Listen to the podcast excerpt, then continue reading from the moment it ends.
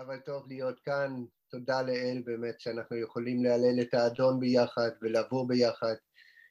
ונפל לחלקי לחלק על, על קטע מאוד מאוד מעניין ומאוד קשה גם, ושפטרוס, קיפה, מת, מתכחש שלוש פעמים לישוע, והקטע מאוד עמוק, ואני, התפילה שלי שהאדון ממש דרך זה ידבר לתוך הלב שלנו. אני חושב שהאדון רוצה להרעיר את הרוח שלנו, את הלב שלנו, לחזור. אה, כל אחד אולי במקום אחר בקשר שלנו עם האדון כרגע. אני יודע שהתקופה הזאת מאוד מאתגרת בשבילנו כרגע, אה, מכל מיני בחינות, אבל אני יודע גם שיש המון התקפות רוחניות, וכולנו בטח מרגישים את זה בצורה זו או אחרת. ואני מרגיש את הקריאה של האדון שלכל אחד מאיתנו, שהוא רוצה ממש את הלב שלנו, כמו שהוא רצה את הלב של, של, של, של קיפה.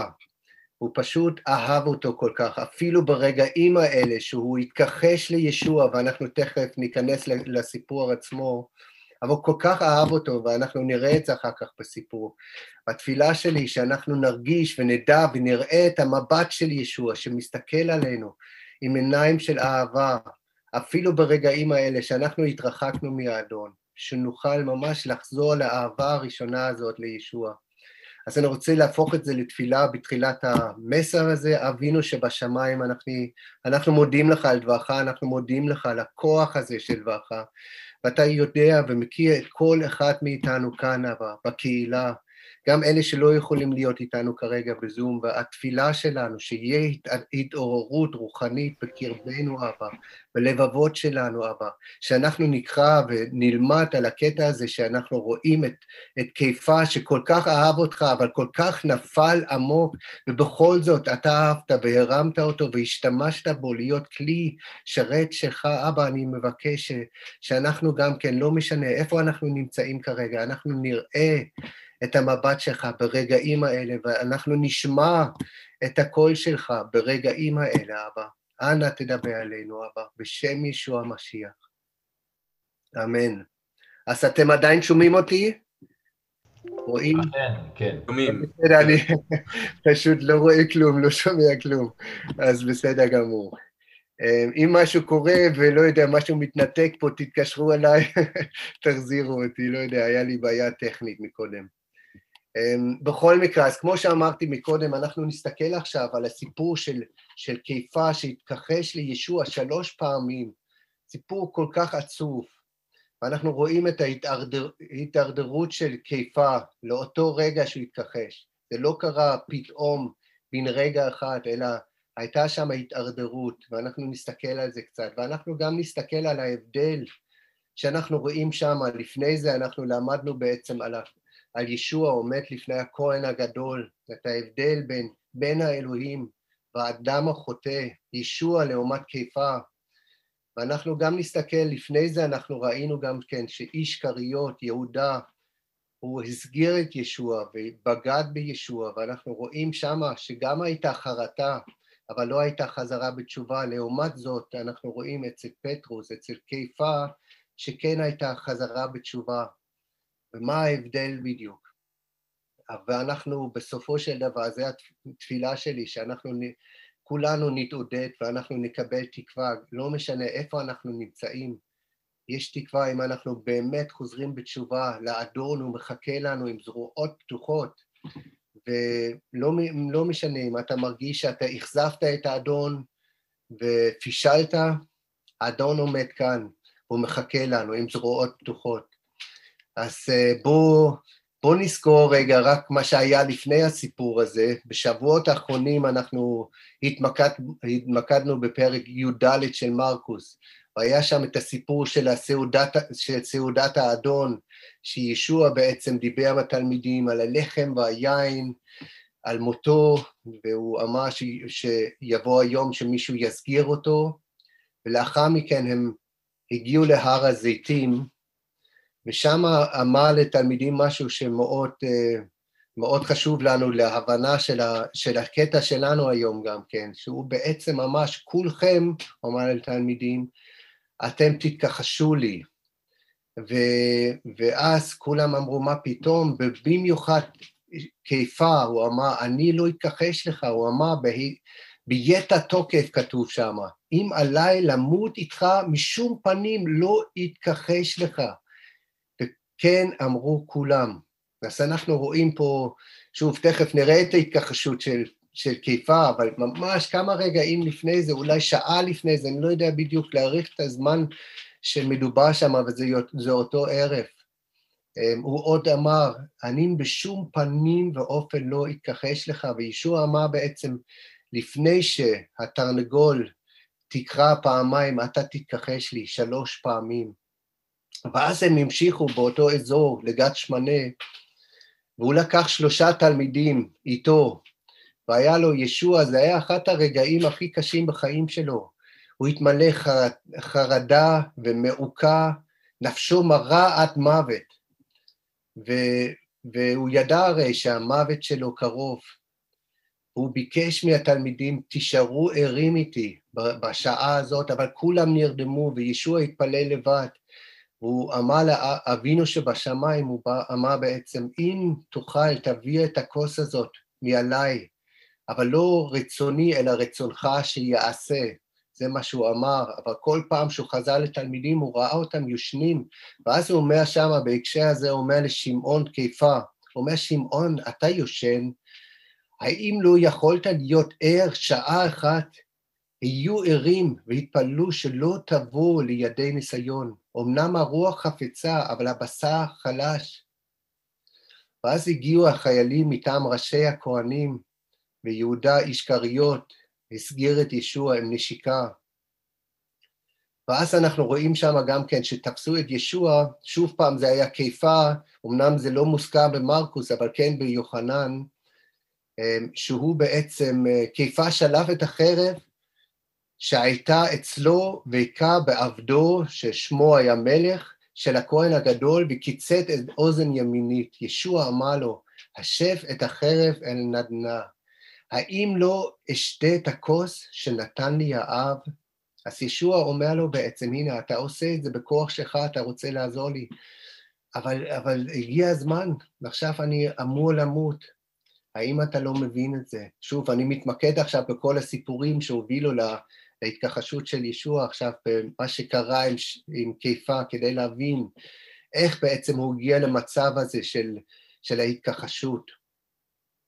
ואז הובילו את יהושע לכהן הגדול ועשו לו משפט עם כל מיני עדויות שקר שהם בעצם לא טעמו, לא הייתה התאמה ביניהם אחד מהשני, וישוע לא הגיב, מלבד, מלבד שהכהן הגדול שאל אותו אם הוא אכן המשיח, והוא אמר, אני הוא, ואז אה, בעצם, והוא התמקד בעצם, במקום ב, במסכנות שלו, הוא יכל גם כן להתמקד במסכנות שלו, הוא התמקד בנבואות של התנ"ך על המשיח, והוא ידע מה, הוא, מה עליו לעשות עכשיו, שישוע דוגמה כל כך אה, טובה בשבילנו בכל כך הרבה דברים. ואז פסקו דין מוות עליו והתעללו בו.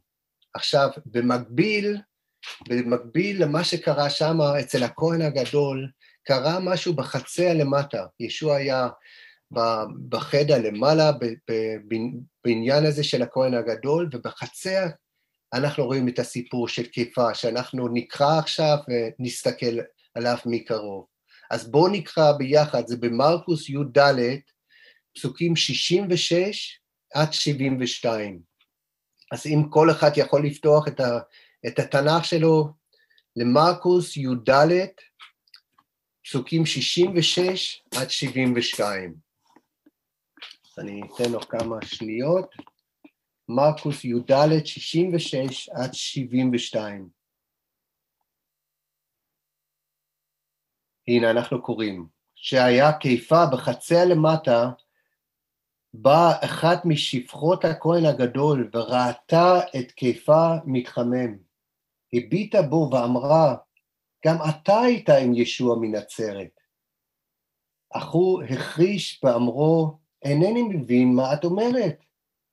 ויצא החוצה אל מבוא החצר, וראתה אותו השפרה ואמרה, שנית אל העומדים שם, זה אחד מהם. שוב החריש, לאחר שעה קלה גם העומדים שם אמרו לקיפה, באמת, אתה מהם, כי גם אתה גלילי. הוא החל לקלל וישבע, אינני מכיר את האיש הזה, שאתם מדברים עליו. אמר, ומיד קרא התרנגול שנית.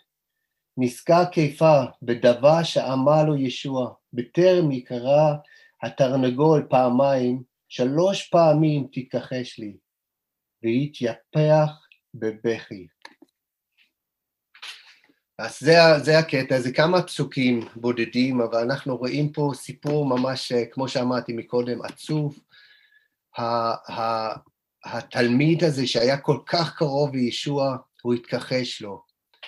אז כמו שאמרנו, היה, היה בחצר של הכהן הגדול, כבר בפסוק 54 אנחנו רואים שהוא בעצם אמ, מגת שמנה הלך במרחק מה אה, אחרי ישוע אל תוך החצר של הכהן הגדול, ושם ישב עם המשרתים והתחמם ליד האש. ואנחנו ביוחנן, לא פה בקטע הזה, אבל ביוחנן אנחנו מבינים שהוא נכנס לשם עם עוד תלמיד נוסף, חושבים שזה יוחנן, בכל מקרה הוא היה קרוב, מוכר לכהן הגדול, והוא היה לו גישה לאזור הזה של, של החצר של הכהן הגדול, והוא הכניס את, את קיפה גם לשם. וצריך לזכור, עכשיו קיפה למטה, ב, אנחנו רואים שבלוקאס בעצם שה... הוא היה במרכז, באמצע החצר, המדורה היה שמה, ולמעלה ישוע עשו לו את המשפט. בעצם אנחנו רואים שקיפה בעצם מצד אחד פחד, אבל מצד שני הוא רצה פשוט לראות מה קורה עם ישוע. הוא היה סקרני, הוא סך הכל, הנה, התקווה שלו, אמ, שהוא כל כך קיווה לו, פתאום הוא רואה אותו נעצר, והוא הלך אחריו, הוא רצה להיות שם, אבל לא ידע בדיוק איך להתייחס. ובואו נסתכל עכשיו, לפני שאנחנו ממש אה, נתמקד למסע של, הקטע, אני רוצה שנעבור פסוק פסוק, נראה בדיוק איך זה קרה שם. פסוק 67. השאלה הראשונה הגיעה בעצם משפחה של הכהן הגדול.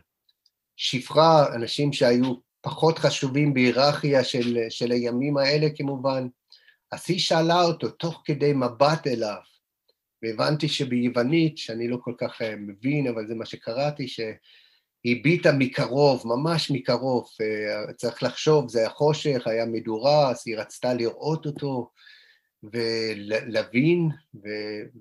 ואז למרות ש... אז היא, היא זיהתה אותו, זיהתה אותו, ואז היא אמרה את זה, היא אמרה, גם אתה היית עם ישוע מנצרת. וצריך לזכור עכשיו, כשהם... אה, אה, נצרת זה היה עיר קטנה אז בזמנו, זה היה עיר שלא הייתה נחשבת, עיר מבוזה. היו אומרים, האם יכול לבוא משהו טוב מנצרת? אז יש פה איזושהי קונוטציה שלילית, אני חושב, במה שהיא אומרת, כשהיא מדברת על ישוע, בשליליות. ישוע מנצרת, אמ, מישהו שהגיע מהמקום המקום הקטן הזה. אבל בכל מקרה, היא זיהתה אותו. ואז בפסוק 68, אנחנו רואים את ההתכחשות הראשונה של קיפה. הוא חיש ואמר, אינני מבין מה את אומרת. תחשבו, קיפה, שעוד לא מזמן אמר שהוא הוא, הוא בעצם אמר שישוע המשיח, והוא לא התכחש לישוע פתאום, עכשיו הוא התכחש לישוע ואומר כאילו שהוא לא מכיר אותו. עכשיו, הצורה הזאת, אינני מבין מה את אומרת, זו הייתה צורה מקובלת בימים אלה להכחשה חוקית. אז כולם הבינו שהוא מתכחש. הוא התכחש מתוך פחד. אנחנו רואים את הפחד שלו כאן. הוא פחד שישוע ימות כמובן, אבל עכשיו הוא מפחד על חייו, הוא חושב אולי גם יקרה לי משהו, אם, אני, אני, אם הם ידעו שאני הייתי עם ישוע. והוא לא הרגיש נוח יותר שמה עם, עם, כל, ה, עם כל האנשים, ואז הוא פשוט uh, הלך משם, כמו שאנחנו קוראים ב-68, יצא החוצה אל המבוא אל מבוא החצר. מבוא החצר זה היה מקום שמהחצר מחזיר אותך לכביש, לרחוב הראשי. בעצם מקום מפלט, הוא רצה להרגיש יותר בטוח. הוא חשב שאולי זה יותר בטוח, משם הוא יכול לברוח אם צריך.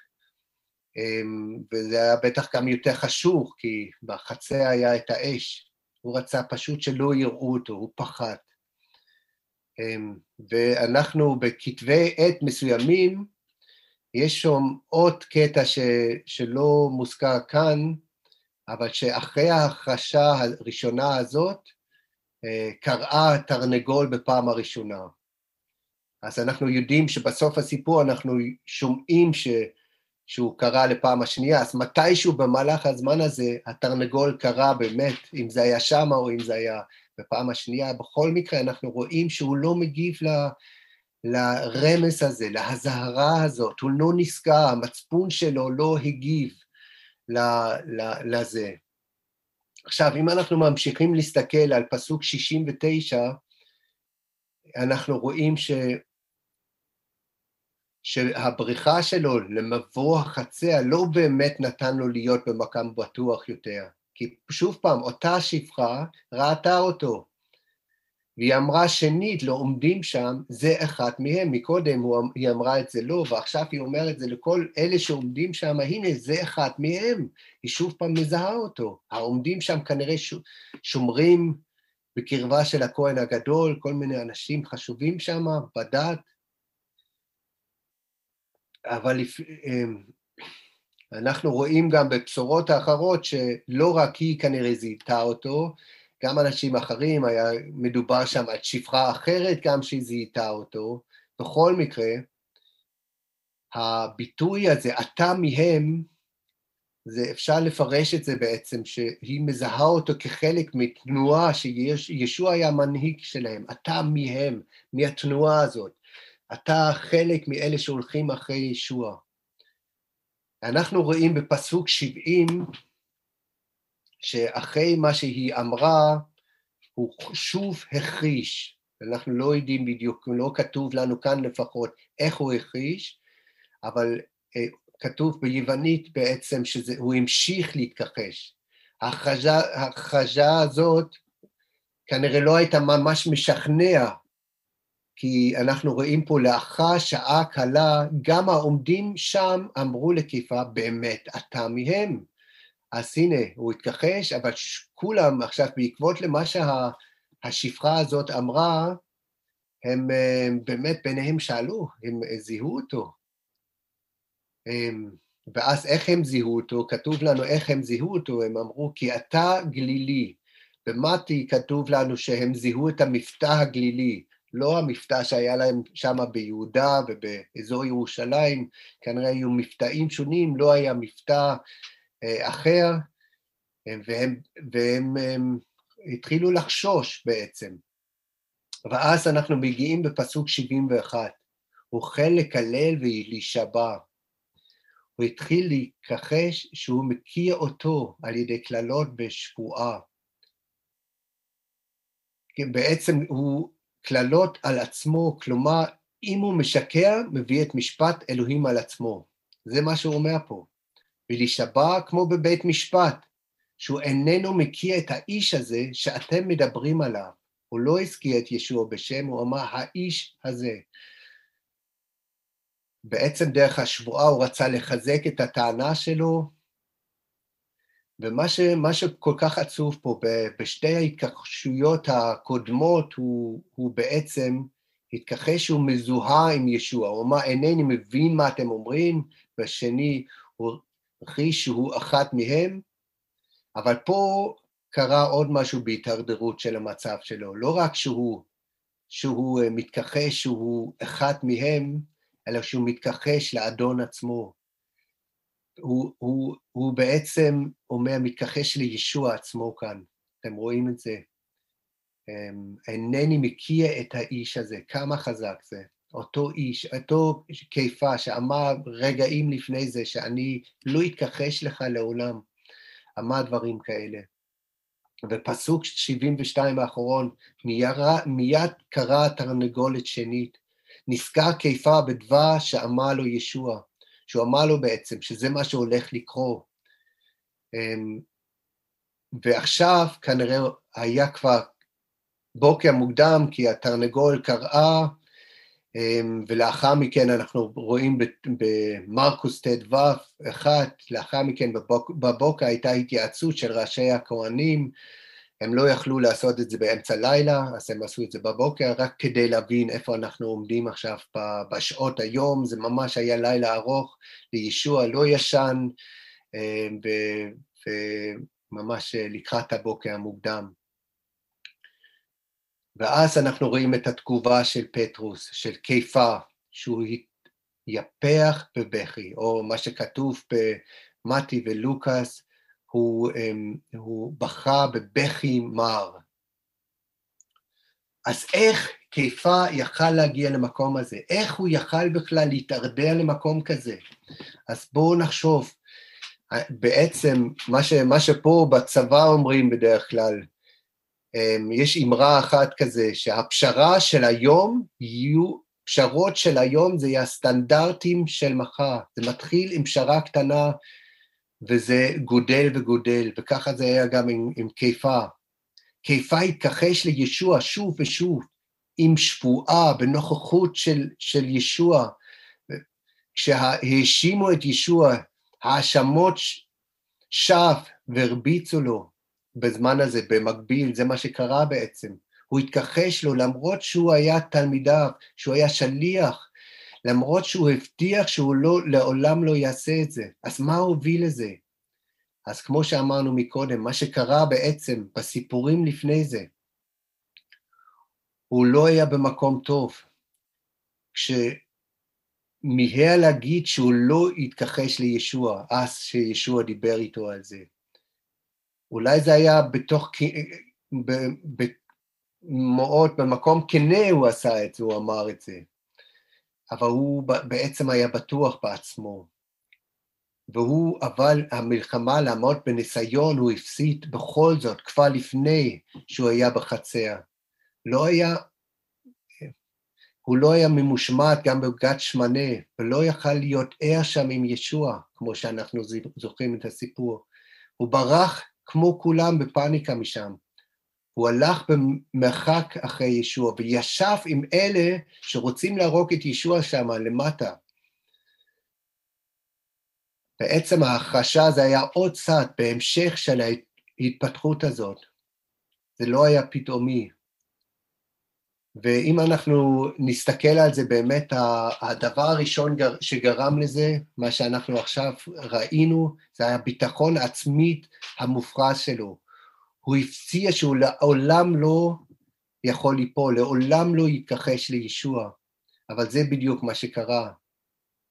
ומה שכתוב במשלי ט"ז, פסוק 18, לפני שבע גאון ולפני כישלון, גובה רוח. כלומר גובה רוח, אה, גאווה, לפני כישלון, לפני שאנחנו נופלים, הרבה פעמים יש גאווה, וזה מה שהיה אצל, אצל קיפה, היה לו ביטחון עצמית אה, מופרס באופי שלו, בניסיון שלו, בחוכמה שלו, בבגרות שלו. כל זה בסופו של הדבר יוביל אותנו לנפילה. גאווה מביאה אותנו לנפילה. או שאנחנו מתכחשים לעצמנו, או שאנחנו מתכחשים לאדון. האם אנחנו דבוקים לביטחון עצמי ולכוח שלנו, או אם אנחנו אה, מדבקים לאדון במקום?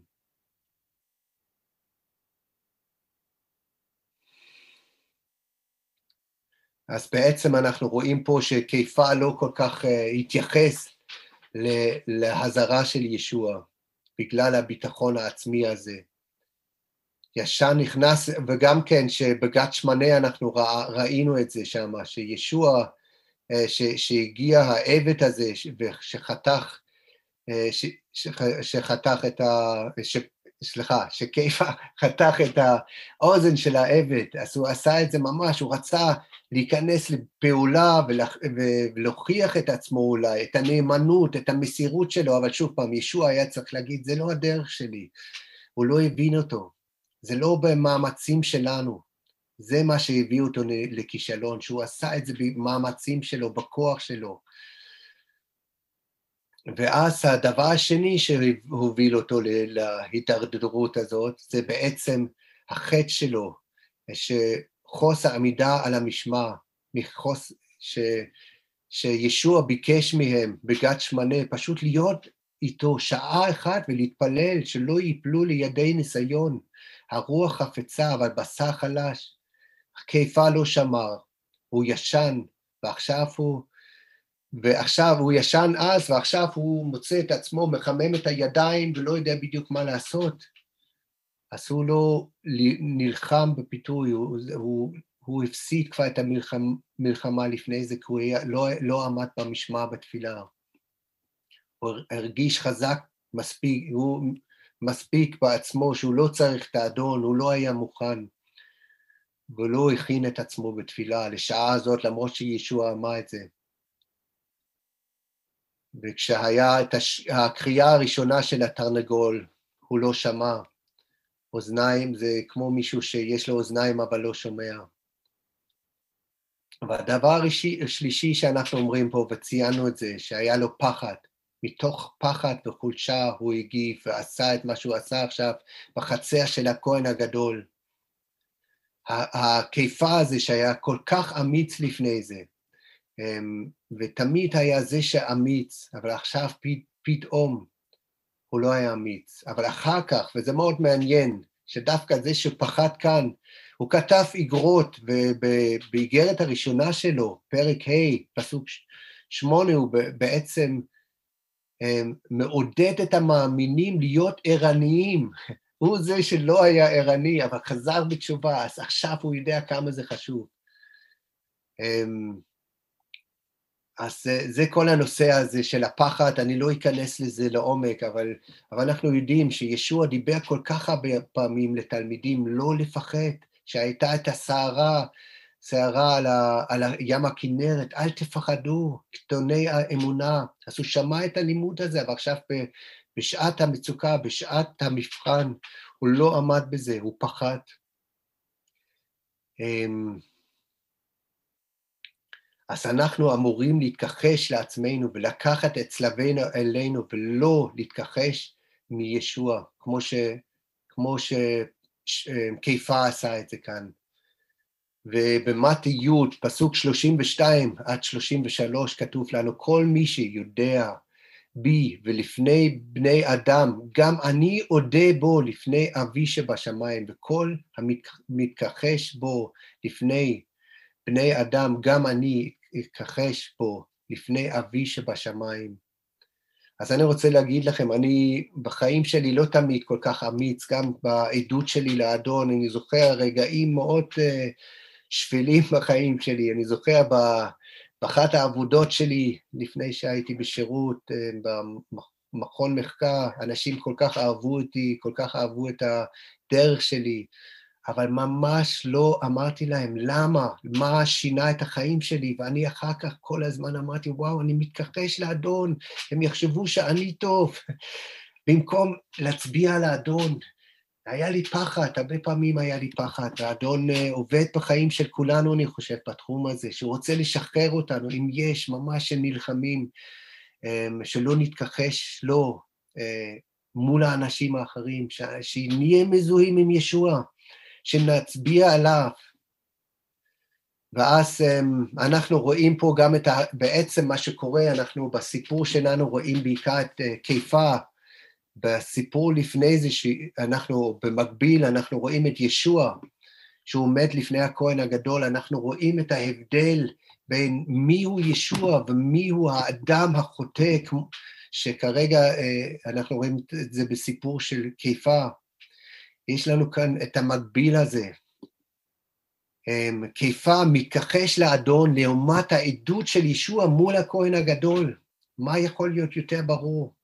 כיפה לא נשאל על ידי אדם בסמכות כמו שישוע, אלא רק ב, על ידי איזשהו שפחה, ובכל זאת פחד, וישוע לא פחד. כיפה לא עמד להיהרג, ישוע כן.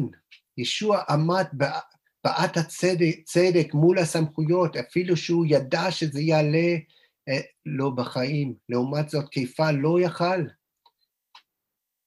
יש, קיפה עומד מול עדויות, שאלות של שלושה אנשים, ישוע גם כן. אבל ישוע ענה והגיב אחרת לחלוטין. ישוע ממשיך להכריס את האמת מול אנשים חשובים על מי שהוא ומה שהוא בא לעשות. קיפה לעומת זאת, מתכחש לישוע מול משרתים. אז אנחנו רואים הבדל פה בולט, מה שמרקוס מציין לנו פה כשהוא מספר את הסיפור אחת אחרי השני, סיפורים שקורים במקביל. ישוע היה בפנים ומתוודה על הפשע להיות בין האלוהים, וקיפה מתכחש. כשישוע חזק, קיפה היה חלש. אז איך התחילה, התחיל בעצם ש... קיפה את התהליך של השיקום? אנחנו יודעים שהשטן ניסה לטלטל אותו. כתוב לנו בלוקאס כ"ב, פסוק 31 עד 32, ישוע אמר מקודם, שמעון, שמעון, הנה דרש השטן לטלטל אתכם כחיטים, אבל אני התפללתי בעדך שלא תכשל אמונתך, ואתה לאחר שתשוב, חזק את אחיך. אז ישוע ידע הרי מה הולך לקרות, והוא אומר לו, השטן מנסה לטלטל אותך, אבל אני מתפלל שאתה כן תתחזק, ואתה תחזור, ואחרי שאתה תחזור, אתה בעצם תחזק אחרים, וזה בדיוק מה שקרה. ישוע שיקם אותו. איך הוא שיקם אותו? קראו ש... והוא הביא אותו למקום מדהים. הש... הפטרוס הזה, הקיפה הזה, שהתכחש לישוע, אחרי שהוא. שישוע שיקם אותו, בעצם הפך להיות העט החזק בירושלים, עמוד התווך של הקהילה, כתב שתי אגרות בכתובים, אנחנו ממש, אה, אז מה קרה? איך זה קרה? אנחנו רואים את התשובה, את החזרה בתשובה האמיתית, וקיפה היה לו לב שבור לפני אלוהים. זה הבסיס של חזרה בתשובה. אנחנו רואים לעומת זאת את יהודה אישקריות, שהסגיר את ישוע, שהוא אמנם התחרט על מה שהוא עשה, אבל הוא לא בכה על החטא שלו, הוא לא חזר בתשובה על החטא שלו, ולא, ו, ובסופו של דבר השליך את הכסף שהוא קיבל ותלה את עצמו. אבל לעומת זאת, קיפה, אנחנו רואים לב שבור, הוא התחיל בבכי, בכי מר, בבכי, כן, ו- וכתוב במזמור נ"א 17, זבחי אלוהים רוח נשברה, לב נשבע, נדכה אלוהים לא תבזה. אם יש לנו לב שבור, זה מה שמחזיר אותנו לאדון, זה התקווה שלנו, זה ההתחלה של השיקום של פטרו, של קיפה כאן. אנחנו רואים את זה בסוף הקטע. הוא בכה בכי מר. האם אנחנו, אתם הרגשתם פעם ככה, עם לב שבוע לפני אלוהים? האם אנחנו מרגישים כרגע על החטאים שלנו, על הריחוק שלנו מהאדון? אז יש תקווה, אנחנו רואים את זה בסיפור של, של קיפה, כמו שהוא החזיר את קיפה לתלם, הוא יכול להחזיר אותנו גם היום, גם בתקופה הזאת, ויש לו קריאה אדירה, היה לו קריאה אדירה בשביל קיפה ולכל אחד מאיתנו. קיפה בעצם רצה להציל את ישוע, אבל דרך הדמעות שלו, הוא הבין שמישהו צריך להציל אותו בעצם. והוא זקוק למושיע, וישוע היה בדיוק זה בשבילו. אז הבכי המה הזה הביא אותו לחזרה בתשובה, ואנחנו רואים גם ש... שהוא פגש את האדון החי אחר כך ביוחנן כ"א, 15 עד 19, אני מעודד אתכם לקרוא את זה בבית.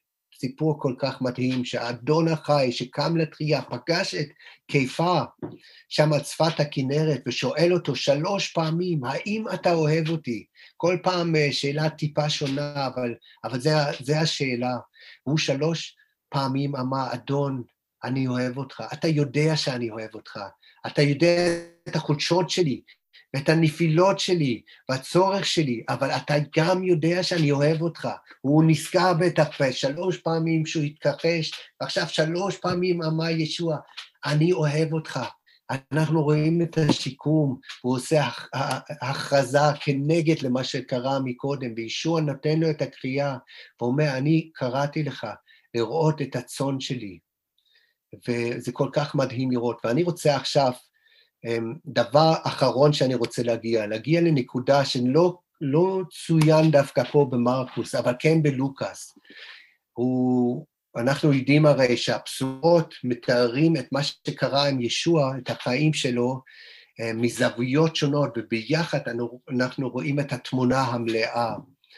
אז לוקאס גם אה, כתב על הסיפור הזה, והוא הוא כתב על עוד משהו שלא כתוב לנו במרקוס, שהוא בעצם בזמן, אני מחפש את זה עכשיו, לא מוצא את הפסוק הרי, הנה, לוקאס כ"ב, 60 עד 62.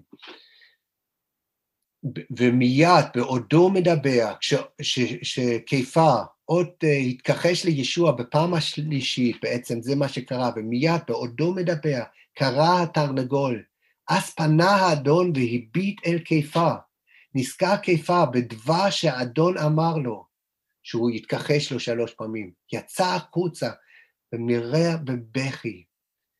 אנחנו רואים פה שהוא שמע את התרנגול, בזמן שהוא שמע את התרנגול בפעם השני, לא רק זה מה שהזכיר לו את המילים של ישוע, אבל ישוע שהיה שם למעלה, אה, בחדר, מעל החצר, הסתכל, הביט לקיפה, והמבט הזה בעצם גרם לקיפה לחזור בתשובה ולבכות בבכי, הוא פתאום קלט מה הוא עשה, הוא ראה את האדון הזה שהוא כל כך אהב, הוא רואה אותו בטח עכשיו, זה אחרי שהוא, שהרביצו לו כבר, שהתעללו בו, הוא בטח עם דם על הפנים, מלא זיעה, ומצב אה, אחרי שהוא לא ישן, בטח העיניים כבר עייפות, הוא רואה אותו שמה עם המבט של ישוע. ומסתכל על כיפה, והוא בכה בחימה כשהוא ראה את ישוע, שמע את התרנגול, נזכר במילים שלו, אבל לא רק במילים, הוא רואה את המבט של האדון, וזה ממש מעניין פה לחשוב על זה, שהמבט של האדון, איך הוא יכל בכלל לראות את המבט של האדון? זה אומר שכיפה בעצמו בטח חיפש את המבט של האדון. הוא היה שם למטה, אמנם הוא התכחש לישוע, אבל היה בו משהו שכל הזמן בטח חיפש את ישוע, את העיניים שלו, מה קורה איתו? וברגע שישוע הביט עליו, העיניים של כיפה פשוט פגשו את העיניים של האדון והוא ראה את זה, אז הוא היה מוכן. ועכשיו תחשבו איזה אדון מדהים יש לנו. ישוע יכל עכשיו פשוט להסתכל עליו עם מבט של אמרתי לך את זה, אבל לא היה פה דבר כזה. אני מאמין שזה היה מבט של אהבה, אהבה של ישוע. ישוע חבול, הוא אשם, מוכה, אך הוא חושב על כיפה, הוא חושב על כיפה ברגעים הקשים האלה. כנאשם בבית המשפט, בדרך כלל אתה עסוק עם עצמך, אבל הוא חשב על כיפה, מסתכל עליו, בעיניים של אהבה, זה מה שאני אני מבין מזה, שזה לא כתוב לנו כאן. אבל ישוע, פשוט העיניים הרכות שלו, העדינות שלו, חיפשו את כיפה, הרי הוא רצה כל כך שהוא יחזור עליו, הוא, היה לו תוכנית בשבילו. היינו מצפים שישוע היה פונה לו את הגב אחרי מה שהוא עשה, אבל עיני ישוע חיפשו אותו. אולי אתה אומר כיום שאתה התרחקת כל כך מהאדון, אתה פישלת כבר יותר מדי, אין לך תקווה שהוא יקבל אותך חזרה. אבל אני רוצה להגיד לך כאן, כמו בסיפור של קיפה, יש תקווה. הוא עדיין אוהב אותך, הוא מביט עליך, כל מה שהוא רוצה שהמבט שלך יהיה חזרה לישוע, שאתה פשוט תפנה את המבט שלך לישוע, לפגוש אותו, ואתה תראה את העיניים האהובות. הוא פשוט שמה כדי לא לשפוט אותך, כדי להחזיר אותך אליו. כל מה שאנחנו צריכים לעשות זה לבכות בחימה, באמת להתחרט על החטא שלנו. לחזור בתשובה, זה, זה U-turn אמיתי, זה פרסה, זה, יש, יש מקום של החזרה הזאת. ישוע הביט עליו, לא דיבר עליו, הוא דיבר אליו בעבר, קרא לו להיות דייק בני אדם, הוא הושיט לו יד בעבר שהציל אותו, שהוא היה בתוך המים העמוקים, אבל הפעם הוא נתן לו את העיניים, הוא הביט עליו, הוא לא רוצה והוא לא רצה להבליט את הטעויות שלו מול האנשים האחרים, אז הוא לא צעק, לא אמר את זה, הוא הביט עליו. זה היה רגע אינטימי בין, בין קיפה ולישוע. המבט הזה שאחרים אולי לא ראו. בואו גם נעשה את זה אה, בעצמנו, נחזור לשם, נסתכל על האדון. הוא, אלוהים רואה את החטא שלך, והוא גם רואה את ההריסות שלך, את הקושי והעצב. הוא מסתכל עליך מלא חמלה. הוא רוצה לנקות אותך מהחטא. אתה לא צריך למצוא אותו, הוא מסתכל עליך. וברגע שהוא, אתה, שאתה רק מעלה את המבט שלך לישוע, אתה תראה את העיניים שלו, מלא אהבה. ועם זה אני רוצה לסיים, שהאדון ייתן לנו את הלב הזה, כמו שהיה לקיפה, שהוא חזר בתשובה, לב שבור, שאנחנו רואים את הפרי שלו, של חזרה בתשובה, שבסופו של דבר, שהוא פגש את האדון החי, שקם לתחייה, הוא אמר לו שלוש פעמים, אדון, אני אוהב אותך. אתה יודע שאני חלש, אבל אני אוהב אותך. בוא נגיד את זה גם כן. ואדון מחכה לנו עם זרועות פתוחות, הוא מחכה לך. אני רוצה עכשיו uh, לזכור את זה בתפילה, ואז um, נראה איך האדון פועל, והתפילה שלי שהוא ימשיך לפעול הערב בחיים שלנו, שיהיו לנו את הרגעים האלה, שנראה את המבט האוהב של ישוע, ונפגוש אותנו. ואם יש מקרים שאנחנו צריכים להיות בבכי מר, שיהיה בכי מר, שנוציא את זה ונחזור, כי לאדון יש קריאה בחיים שלך. הללויה, אבינו שבשמיים, תודה לך באמת על הדוגמה הזאת, הקשה, אבל שכל כך אנחנו יכולים להזדהות איתה, אבא, אני, אתה מכיר אותי, אני לא יכול פשוט להעמיד פנים, אתה רואה את הכישלונות שלי, את הנפילות שלי. שדווקא ברגעים שחשבתי שאני חזק, אני נפלתי הכי חזק, אבל אתה הרמת אותי, אבא. ואני מבקש שתעשה את זה גם הערב אצל כל אחד מאיתנו. אתה מכיר אותנו, אתה רואה את כל אחד מאיתנו. איפה שאנחנו מרגישים רחוקים ממך, איפה שפישלנו, איפה שהתכחשנו לך, איפה שאנחנו ויתרנו כבר. אבא, התייאשנו, ואיפה שנפלנו. אבא, אני מבקש שאתה תרים אותנו ושאנחנו נרגיש ונדע את המבט שלך הערב בחיים שלנו, שנוכל לחזור אליך, אבא, עם בכי מה, אם זה מה שצריך לקרוא, אבל שיהיה חזרה בתשובה, אבא. אנחנו רוצים לחזור לאהבה הראשונה הזאת אליך. אבא, אנא, תעשה את זה בחיים שלנו. בשם ישוע. אמן.